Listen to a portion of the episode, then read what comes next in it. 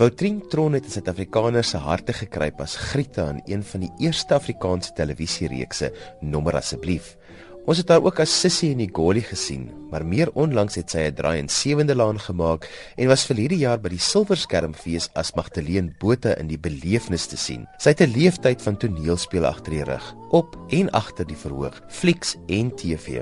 Ek het by die Woordfees op Stellenbosch haar eenkant toe geroep en uitgevra oor haar studente daar op Stellenbosch. Jy weet dis baie snaaks. Ek het op Lensburg groot geword. So ek het nooit gedink waar gaan ek studeer nie want ek sou op Stellenbosch studeer. Dit was my naaste universiteit.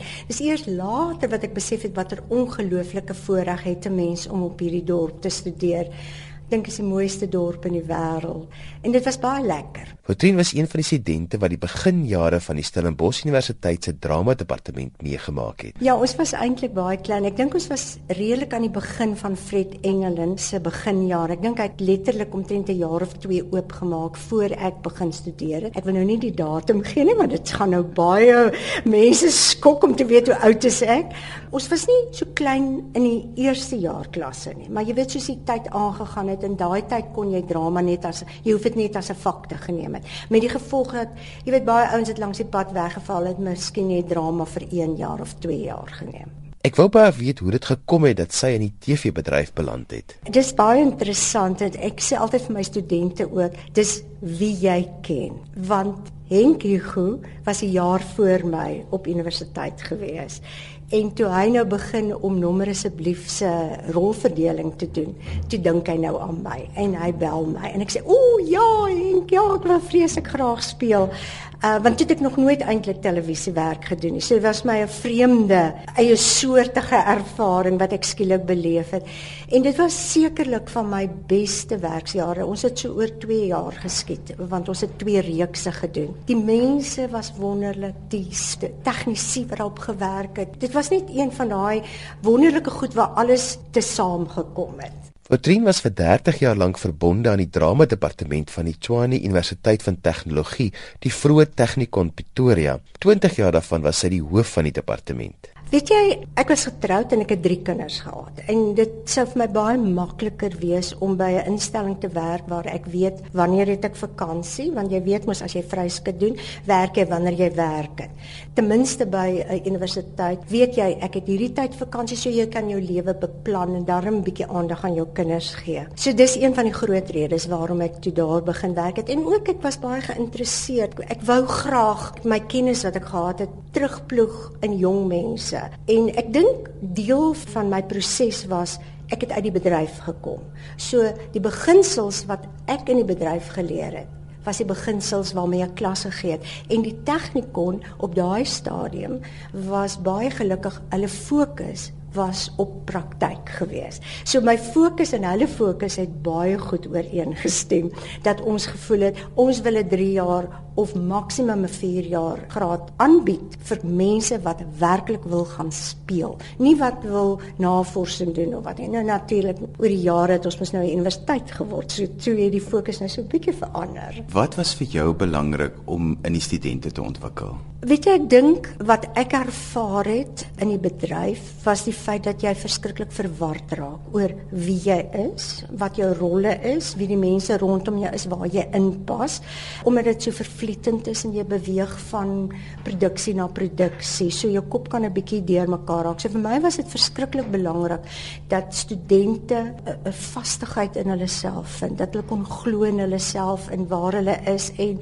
nie persoonlik voel as hulle nie die rol kry dat dit teen hulle gemik is nie maar net dat dit op daai oomblik was die persoon wat hulle gesoek het iemand anders. Dit dink is 'n baie belangrike ding dat jy vir die kind saamgee 'n soort van 'n vastigheid in sy eie mens wees en dat hy kon daarmee met al die teleurstellings kon hy daarmee vrede maak. En dan natuurlik die absolute basiese goed van jy moet jou woorde ken. Jy moet betyds wees. Jy kan nie jy weet skip one net one wees wees nie. Jy moet daar wees want daar's 'n hele groep ander mense wat beïnvloed word as jy. Dis nie soos in 'n kantoor waar iemand anders maar jou werk gaan doen nie. Hier moet jy daar wees sodat al die ander ook hulle werk kan doen. So dit was sulke basiese goed wat ek gevoel het wat verskriklik belangrik is vir 'n loopbaan. Wat doen die kuns van toneel speel? Het Suid-Afrika dit reg gekry om amper sy eie stempel op toneelspel te kon afdruk in jou lewenstyd? Dis baie interessant wat jy vra want jy weet omdat ons soveel verskillende kulture is,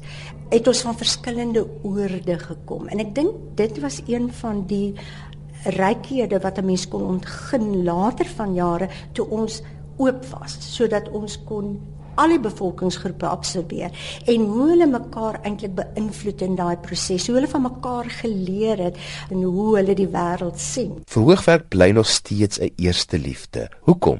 Die ervaring wat 'n verhoog jou bied en ek dink al die akteurs gaan dit vir jou sê. Daai onmiddellikheid, daai wat jy dadelik met jou gehoor kontak vind. Dit is iets ongeloofliks. Jy weet daai oomblik wat jy weet nou is ek en jy besig om in 'n kommunikasieproses met mekaar te gaan.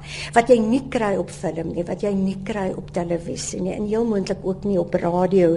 Daai onmiddellike ek sien nou wat gebeur en ek kry dadelik my terugvoering van die gehoor af. So ja, ek dink verhoog is maar seker alle akteurs se se mees geliefde medium waarin hulle werk. Patrien, loop jy baie van jou studente raak en hoe voel jy oor die sukses wat hulle bereik? Ag, dis wonderlik om hulle te sien. Dis dis wonderlik vir my. Ek kyk ook gereeld so na die CP's en as daar 'n uh, drama program is, kyk ek uh, net om te sien waar hulle nou en waar ontwikkel hulle en en mense is verskriklik trots op hulle. Jy's vreeslik trots op daai kinders wat deur die tyd daar gekom het. En sommige het jy gedink gaan dit maak? En jy was oortuig daarvan en hulle het dit gemaak en sommige was jy oortuig sal dit maak? En hulle dit nie gemaak nie. En jou hart is altyd seer oor daaries wat jy geglo het in en wat jy nie weet waar is hulle nou nie. Maar dalk is hulle baie gelukkig. Dalk werk hulle iewers en hulle gebruik hulle drama tegnieke want dit is ook wat baie vir my gesê het. Hulle sê baie keer vir my mevrou ek het meer van my drama tegnieke gebruik as 'n bankbestuurder as wat ek gebruik het van enige ander kennis van besigheid byvoorbeeld. Wotrien oor die jare ontwikkel 'n mens mos 'n oog om talent raak te sien. Jy het self jou studente gekies. Wat het vir jou in jou hart gesê hierdie student hoort in my drama departement? Weet jy, in die begin was mens altyd bang jy maak 'n fout en mense het foute gemaak. Hoor, ek wil regtig eerlik beken mens maak foute. En ons het as 'n paneel, as 'n drama paneel, het ons na hierdie studente gekyk en in keuringsrondes met hulle gedoen. En ek sê altyd vir die studente as hulle afgekeur is en sit hulle huil in my kantoor en sê ek weet jy wat, daar's 11 ander drama departemente. Dis nie te sê as ons jou afkeer dat jy nie dalk die grootste aktrise of akteur gaan word in Suid-Afrika nie. Dit is subjektief. Dink wat wat jy weet as daai kind op die verhoog loop, is daar is 'n 'n magnetisme. Jy wil na hom kyk, jy wil na haar kyk, jy wil sien wat gaan sy nou, wat se kreatiwiteit kom daar uit hierdie persoon uit. So daar is ek wil nou nie sê 'n aura nie, maar daar is iets omtrent daai wat jy dadelik kan bepaal eintlik. Maar dan sê dit nie dat daai kind wat dalk dit nie op haar eerste keer gehad het, nie oor 3 jaar skielik, want dit het ek baie gesien. Dan skielik ontpop hierdie kind as hierdie wonderlike akteur en jy dit nie verwag nie en dit is altyd vir jou wonderlik gewees. Nou ek weet jy glo studente moet speel en speel en speel en nog 'n keer speel. Hoe het julle dit reg gekry om vir studente soveel speelgeleenthede te gee tydens hulle opleiding, maar dit moes ongelooflik duur gewees het.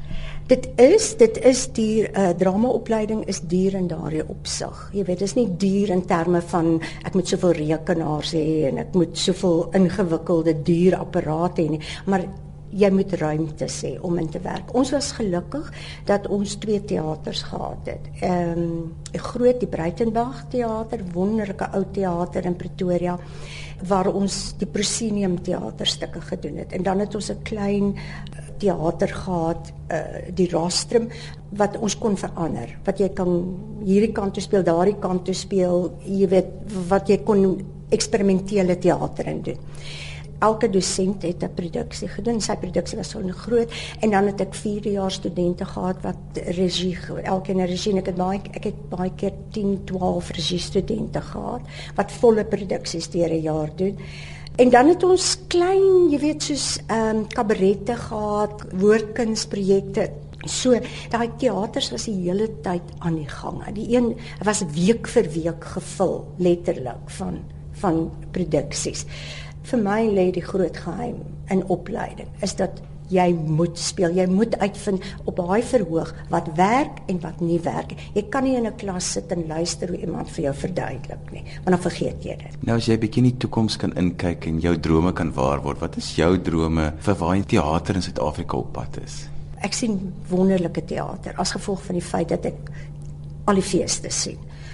En ek sien jong mense wat besig is om deur te kom om om te groei in terme van teksskrywers en regisseurs en en dit maak my baie bly. Ek hoop dat die feeste kan bly voortbestaan. Ek weet mense is teen die feeste en wil eintlik, maar die feeste skep vir die kinders wat nie voltyds iewers gekontrakteer is nie, skep dit geleenthede om hulle werk ten toon te stel en om raak gesien te word terwyl jy in gevestigde streeksteater sit, sien jy selde daai nuwe opwindende kinders deurkom. Dit neem hulle vreeslik lank om opgeneem te word in 'n gevestigde teater.